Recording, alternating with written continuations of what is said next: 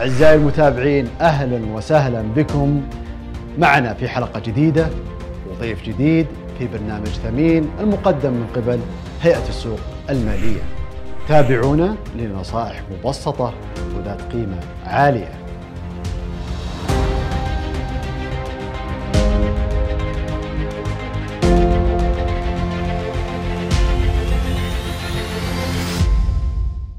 أعزائي المشاهدين السلام عليكم ورحمة الله وبركاته. آه، أهلا وسهلا بكم في برنامج ثمين التوعوي. كما عودناكم معنا في كل حلقة ضيف مميز. واليوم في حلقة هذا اليوم معنا آه، الأستاذ طارق السديري العضو المنتدب والرئيس التنفيذي لشركة جدوى للاستثمار. أبو زياد حياك الله. مساك الله بالخير يا هلا ومرحبا. هلا والله وسهلا. وزياد إحنا متعودين في أول الحلقة دائما نقول للضيف يحاول يعرف عن نفسه على أساس اللي ما يعرفون من هو طارق السديري آه، يأخذونها بشكل مختصر. آه، شكرا الله يسلمك اولا على الاستضافة ويسرني اكون معاكم. آه، من ناحية الخلفية العملية أعمل كالعضو المنتدب والرئيس التنفيذي لشركة جدول الاستثمار وهي شركة مرخصة من قبل هيئة سوق المال. تتخصص في آه، إدارة الاستثمارات لعملائنا في في مجالات مختلفة. آه، خلفيتي العملية آه، تركزت في مجال الاستثمار ومجال الاستشارات وخلفيتي الدراسية تركزت في مجال الاقتصاد وإدارة الأعمال. طيب خلينا ندخل في أول محور من محاور حلقة اليوم. اليوم فيه المستثمرين وكثير منهم الأفراد آه، ما عندهم وعي كامل عن آه، أو معرفتهم. شلون هو يقدر يتحمل المخاطر؟ أي استثمار اليوم فيه مخاطر. وهالمستثمرين هذول أو الافراد أنا لاحظتها يعني شخصيا معاهم إنه ما عنده معرفة وش حجم المخاطر اللي هو يقدر يتحملها. مو واعي فلذلك يدخل في مخاطر هو مو قدها وبينما إنه المفروض إنه يروح مخاطر أقل. يا ليت تعطينا بس إيضاح حول كيف الواحد ممكن يكتشف نوعية المخاطر اللي هو يستطيع أن يستحملها. والله أبو عبد الرحمن أنا أعتقد هذا سؤال جوهري ورئيسي وأهم وأول سؤال لابد أي مستثمر يجاوب عليه قبل لا يتخذ أي قرارات استثمارية.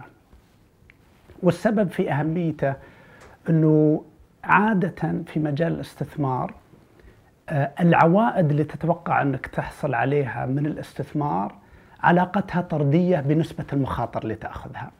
فعلى سبيل المثال في أسواق الأسهم آه، محليا وعالميا متوقع أن يكون في عوائد مرتفعة بشكل عام، عادة تتراوح ما بين معدل 7 إلى 10% سنويا.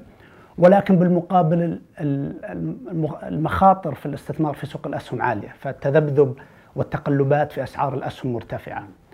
من ناحية أخرى الاستثمارات ذات الدخل الثابت مثل الصكوك والمرابحات متحفظة ونسبة المخاطرة فيها قليلة جدا ولكن بالمقابل العوائد فيها متدنية عادة تتراوح ما بين 1 إلى 3% ولذلك آه، كثير من الأحيان تأتينا أسئلة من العملاء يقول يا أخي أنا كيف أقرر؟ هل الأفضل أدخل في استثمارات عالية المخاطر بأمل أني أحصل على عائد عالي ولا أفضل إني أتحفظ وأستهدف عوائد منخفضة وأتجنب المخاطر لأنه يسمع من ينصح بذلك ومن ينصح بذلك. وللإجابة على هالسؤال لابد تحدد ما هي نسبة أو مقدرتك على تحمل المخاطر. فإذا تحملك عالي تستطيع تدخل في قطاعات واستثمارات تستهدف عوائد عالية. بينما إذا مقدرتك منخفضة فالأفضل أنك تتجه إلى استثمارات منخفضة المخاطر. فالسؤال مهم كيف نجاوب عليه أعتقد أفضل طريقة الإجابة على السؤال هي آه، تحديد إجابتك على سؤال آه، بسيط ورئيسي وهو متى تتوقع أن تحتاج إلى تسييل الاستثمار أو الادخار الذي قمت فيه بس الاستثمار واستخدامه لأي مصاريف عندك.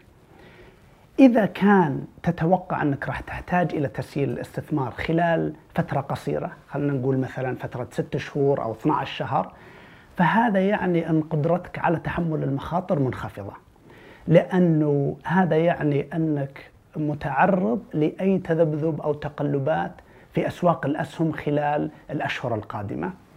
ولذلك في الحالة هذه يستحسن أنك ما تدخل في استثمارات عاليه المخاطر. بينما إذا تتوقع أنك ما راح تحتاج إلى رأس المال المستثمر إلا بعد فترة ثلاث أو خمس سنوات هذا يعني أن قدرتك على تحمل المخاطر متوسطة لأنه ما أنت متعرض لتذبذبات الأسواق في المدى القصير. بينما إذا رأس المال الذي تستثمره لا تتوقع أنك تحتاجه إلا بعد عشر سنين أو أكثر فهذا يعني أن قدرتك على تحمل المخاطر عالية.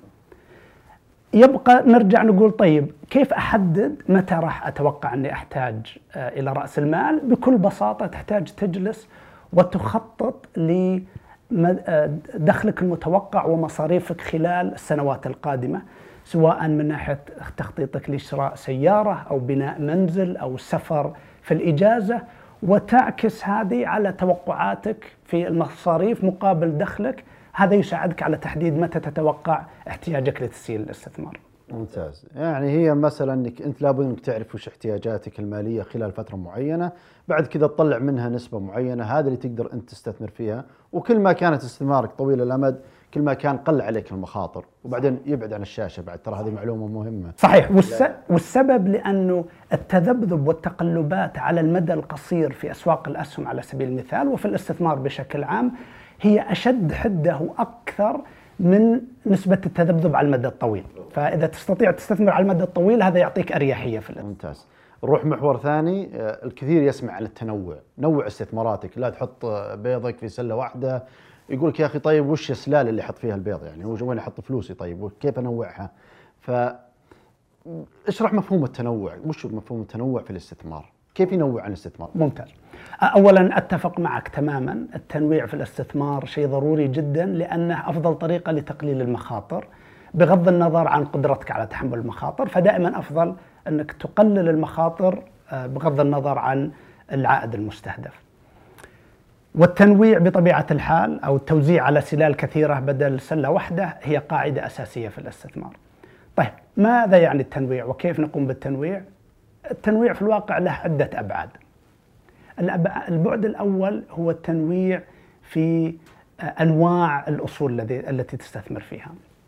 فعندك مجالات الاستثمار أو الأصول تشمل أسواق الأسهم تشمل الملكية الخاصة أو الشركات الخاصة تشمل آه، استثمارات آه، رأس المال الجريء آه، التطوير العقاري العقارات المدرة للدخل استثمارات الدخل الثابت كل هذه أنواع مختلفة من الأصول التي تستطيع تنوع فيها. البعد الثاني في التنويع هو التنويع الجغرافي. فما تستثمر في سوق واحدة وإنما تستثمر في أسواق محلية وإقليمية ودولية سواء في الشرق أو في الغرب.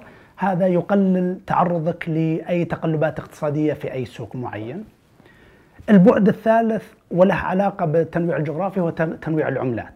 فإذا استثمرت في أسواق مختلفة وفي دول مختلفة بطبيعة الحال أنت نوعت آه، تعرضك لأي عملة معينة. البعد الرابع هو التنويع في القطاعات، فمثلا حتى لو استثمرت في سوق معين وفي نوع معين يبقى التنويع في القطاعات. ففي سوق الأسهم عندك قطاع البنوك قطاع البتروكيماويات الاتصالات التجزئة وخلافه. في العقار أيضا عندك قطاع التجاري السكني التعليمي وخلافه. البعد الخامس والأخير هو التنويع آه، في مدراء الاستثمار اللي تستثمر معهم فحتى لو تستثمر في سوق واحد أو في قطاع معين إذا استثمرت عن طريق مدراء مختلفين كل مدير بالصناديق يعني. صحيح بالصناديق. كل مدير صندوق له قراءته للسوق وله استراتيجيته في الاستثمار. فإذا نوعت بينهم قللت اعتمادك على استراتيجية معينة أو قراءة واحدة للسوق. ممتاز. السؤال الثالث الآن عند المستثمرين الأفراد مفهوم المضاربة ومفهوم الاستثمار. في كثير عندهم وأنا لاحظتها يقول لك أنا ما أحب فلوسي تبقى في السوق. فعنده استراتيجية إنه في آخر التداول إنه يبيع جميع اللي في المحفظة. ممتاز؟ فيقول لك ليش؟ يقول لك أنا ما أضمن وش يصير بكرة. بينما في ناس تقول لك لا الاستثمار أفضل. إنك كل ما طولت كل ما كان عوائدك أعلى. ففي خلط بين الناس هل الاستثمار أفضل أو المضاربة السريعة أفضل؟ والله أنا دائما أنصح عملائنا بشكل عام ولكل من يسأل أنه الاستثمار طويل المدى أفضل وأقل مخاطرة من المضاربة. والسبب بكل بساطة أن الاستثمار على المضاربة يعني الاستثمار على المدى القصير. فهذا يعني أنك معرض لتذبذبات السوق على المدى القصير وهي أشد حدة من التذبذبات على المدى الطويل. بينما الاستثمار على المدى الطويل يجعلك آه، لا تكترث بشكل كبير بأي تذبذب يحصل في يوم أو في شهر أو في سنة لأنه نظرتك على السوق بشكل عام. فأنا أعتقد هي آه، قراءة خاطئة إنك تقول إذا طلعت من السوق في كل يوم أنا قللت الخطر، هو في الواقع إذا تذكر في عام 2006 لما صار في هبوط حاد في السوق كان اللي حتى المضاربين لم يستطيعوا التخارج لأنه يجي بيبيع بس ما يجد أحد عنده الاستعداد إنه يشتري لأنه كان قراءة إن السوق مرتفع جدا. فهي كون إنك تتخارج من السوق كل يوم لا يعني إنك أقل عرضة بل بالعكس أنت مضارب على المدى القصير ومعرض للتذبذبات على المدى القصير. وأضيف عليها ممكن هو قلل المخاطر جميل لكن ما يحقق مكاسب. وهذه ترى يغفلون عنها. فلو أخذنا إنه مستثمر واحد استثمر مدة طويلة سنة مثلا في نفس السهم اللي يضارب فيه هذا الشخص. صحيح. زين؟ اللي يقفل كل يوم ويصفي المحفظة. صحيح. زين؟ يمكن كل السنة يمكن ما حقق يمكن واحد ونص 2% وهو يعتبر نفسه إنه حافظ على محفظته إنه من الخسائر.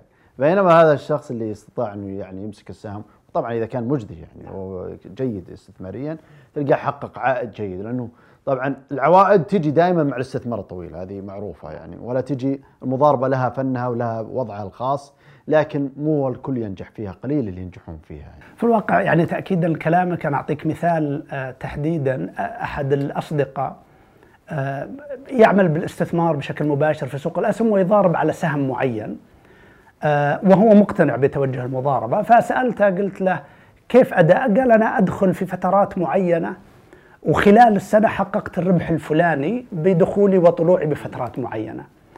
لما قارناها بأداء السهم خلال السنة كلها لو أنه دخل من البداية وبقى في السهم إلى نهاية السنة كان حقق ربح أعلى من المضاربة على السهم بفترات وجيزة وهذا تأكيد لكلامك. يقولون دائما طبعا المضاربين هم آه، اللي يجيبون أرباح لشركات الوساطة فبالنسبة لكم اربح والله إحنا إحنا حقيقة آه، نربح إذا ربح العميل فاحنا آه، دائما يعني مجرد دعابه يعني. نعم نعم الله يسلمك. لكن يعني حقيقة آه، في نهاية المطاف إذا العميل ما ربح على الأمد الطويل فهو يخسر وأنت تخسر. بالضبط. أبو زياد شاكر لك حضورك وشاكر لك مشاركتك القائمة ويعني آه، فعلا كان لقاء متميز. شكرا, شكرا لاستضافتكم الله يسلمك. آه، أعزائي المشاهدين شكرا لكم. واتمنى أن قدمنا لكم مادة آه، مفيدة وإن شاء الله ترقبونا في حلقات قادمة بإذن الله مع ضيوف مميزين.